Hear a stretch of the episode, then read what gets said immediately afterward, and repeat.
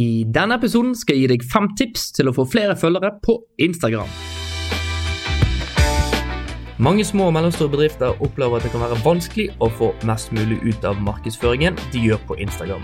Men med kun 15-20 minutter om dagen så viser vi deg hvordan du kan få fantastiske resultater med å fokusere på de riktige tingene. Velkommen til Instamarketing-podkasten. Mitt navn er Thomas Gavellen, og jeg driver Instagram-byrået WeCreate Agency, hvor vi hjelper våre kunder med å få mest mulig ut av sin Instagram-markedsføring. På denne podkasten kommer vi med ukentlige råd og tips som kan hjelpe deg i riktig retning. Og ikke glem at du kan gå til instamarketing.no minikurs for å få et gratis kurs om hvordan du kan lykkes med Instagram i 2020. Hei sann, Thomas Gravald her, og velkommen tilbake igjen til den tredje episoden av Instamarketing-podkasten. Som sagt, i denne episoden så skal vi snakke om fem tips som eh, vil hjelpe deg til å få flere følgere på Instagram. Så la oss bare hoppe rett inn i det. Tips nummer én det er å ha en gjennomtenkt strategi. Du trenger rett og slett en klar plan for hva du ønsker å få ut av Instagram og Instagram-kontoen din. For det at eh, uten en klar plan, så kan du oppleve at du bruker masse tid og masse energi, men du får liksom ingenting tilbake igjen på investeringen din. Det ser vi med mange av våre kunder i WeCreate We Create Agency. Eh, vi ser det at folk er litt usikre. Folk er på Instagram bare for å være på Instagram, fordi at de har hørt at det er en viktig kanal. Noe som er helt riktig, men de har gjerne ikke en klar tanke på hva de ønsker å få ut av det. Så still deg gjerne dette spørsmålet. Hva ønsker du å få ut av Instagram? Det kan være at du ønsker å få mer synlighet for merkevaren din. Det kan hende at du ønsker å øke salget ditt, eller det kan hende at du ønsker mer trafikk til websiden din. Så finn ut hva er den riktige grunnen for at du er på Instagram. For det at Ved å fokusere mer på målet ditt for bedriften din på Instagram, så vil det hjelpe deg til å bli mer konsistent. Det gjør det enklere for deg å fortelle gode historier gjennom innholdet ditt, og det igjen vil føre til flere profilbesøk, og igjen vil det føre til flere følgere. Så ha en klar plan og en klar tanke på hvorfor du er på Instagram. Tips nummer to det er å stille deg spørsmålet hvem er målgruppen din?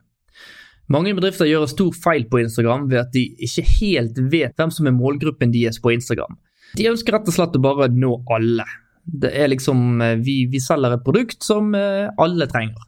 Ok, men hvis du driver da en lampebutikk, eller du er eh, ansvarlig for en liten fotballklubb, eller du selger kaffemaskiner, så ønsker du å nå ut til helt ulike målgrupper. Så måten man finner målgruppen sin på, er å på en måte lage en persona. Og Det gjør du rett og slett ved å stille et par eh, spørsmål. Hvor gammel er de som eh, du ønsker å nå ut til? Hvem er kjøpegruppen? Hvor gammel er den kjøpegruppen? Hvor bor de henne? Eh, er det over hele Norge? Er det Europa? Er det utlandet? Er det kun i Kongsberg? Hva jobber de med? Er de frisører? Er de bankansatte? Er de sykepleiere?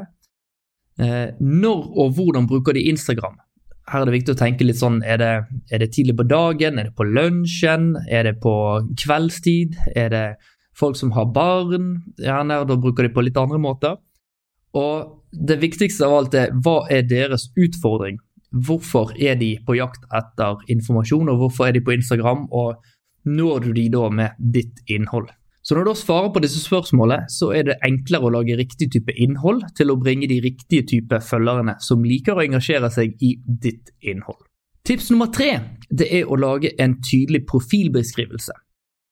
Når en eh, helt ny besøkende kommer på profilen din, så eh, tar det kun eh, et par sekunder før de bestemmer seg for om de skal følge deg, eller om de skal scrolle videre. Og Instagram de sier at to tredjedeler av Instagram business-profiler, eh, de som besøker Instagram business-profiler, eh, de er ikke følgere. Det vil si at de følger deg ikke fra før av. Så din profil den er nødt til å overbevise de nye besøkende om at din profil den er verdt å følge. Og dette gjør de ikke om du har en utydelig eller uferdig profil som ikke er tiltrekkende. Så et eh, par tips når det kommer på profilen din. Navnefeltet det kan ha opptil 30 tegn, og eh, det er inkludert òg i søkefeltet på Instagram. Så her kan du legge inn nøkkelord, f.eks. Andre feltet er brukernavn. Pass på at brukernavnet ditt er det samme som på de andre sosiale kanaler du har. Eh, og da er det som regel eh, bedriftsnavnet ditt som skal være brukernavnet her. Så Forskjell på brukernavnet og navnefeltet er at i brukernavnet så er det da fokus på bedriftsnavnet ditt. Si at dette er eh, Norema. Eh, Norema leverer kjøkken, så i navnefeltet ditt så kan du òg ha Norema. Men du kan òg legge til kjøkken eller bad eller den type ting som et nøkkelord. Websidefeltet det er da veldig viktig, for det er da det eneste plassen du kan ha en klikkbar link til på, uh, i profilen din hvis du har under 10 000 følgere. Så her er det viktig å linke til en uh, riktig side med en uh, klar call to action. Og som vi snakket om i forrige podkast-episoden, så er det da viktig at den er mobiltilpasset, og at du har en klar call to action og vet hva du ønsker skal skje når folk klikker på denne ene linken. Siste feltet er jo da beskrivelsesfeltet. Her har du 150 tegn, så der er det viktig å bruke eh, disse på å beskrive bedriften din så bra som mulig. Og et supertips her er å tenke punktliste. Og Husk da òg at du kan ta vårt eh, gratis minikurs, som da enda tydeligere viser deg eksempler på gode profilbeskrivelser og eh, hvordan du ikke skal gjøre det. Og Dette gratis minikurset det finner du på instamarketing.no minikurs. Tips nummer fire det er å promotere Instagram-kontoen din på de andre sosiale nettverkene. Du må jo sørge for at du blir funnet på Instagram. og Den raskeste måten du gjør dette på, og samtidig får dine første følgere, det er å fortelle dette på andre sosiale kanaler. Så post om det på Facebook-profilen din. Eh, hvis du har ansatte og de liker bedriften din, så er det jo òg eh, et spørsmål om de kan poste det på sine profiler. Og kanskje til og med vennene dine kan dele noe fra eh, Instagram-kontoen din om dette er bra innhold, og eh, dele dette på sine Facebook-profiler. Da får du liksom dytte det ut til enda flere eh, folk ute på Instagram. Husk òg at det finnes veldig mange Facebook-grupper hvor du kan dele kontoen din. Og da er det viktig å finne en nisje som passer med din profil. Eh, det kan f.eks. være om det er en strikkegruppe, en oppussingsgruppe, en kaffegruppe osv. Så, kan eh, du da bruke disse gruppene til å promotere din egen Instagram-profil, men prøv da å gi verdi inn til eh, disse gruppene. Ikke bare sånn 'følg meg på denne Instagram-kontoen', men hvis du driver med strikking for eksempel, og du finner en god strikkegruppe, så kan du si at 'sjekk det siste som jeg har strikket', eller 'jeg har en bra strikkemal', Eh, strikkeoppskrift heter det vel kanskje, eh, så, og den finner du på min Instagram-konto.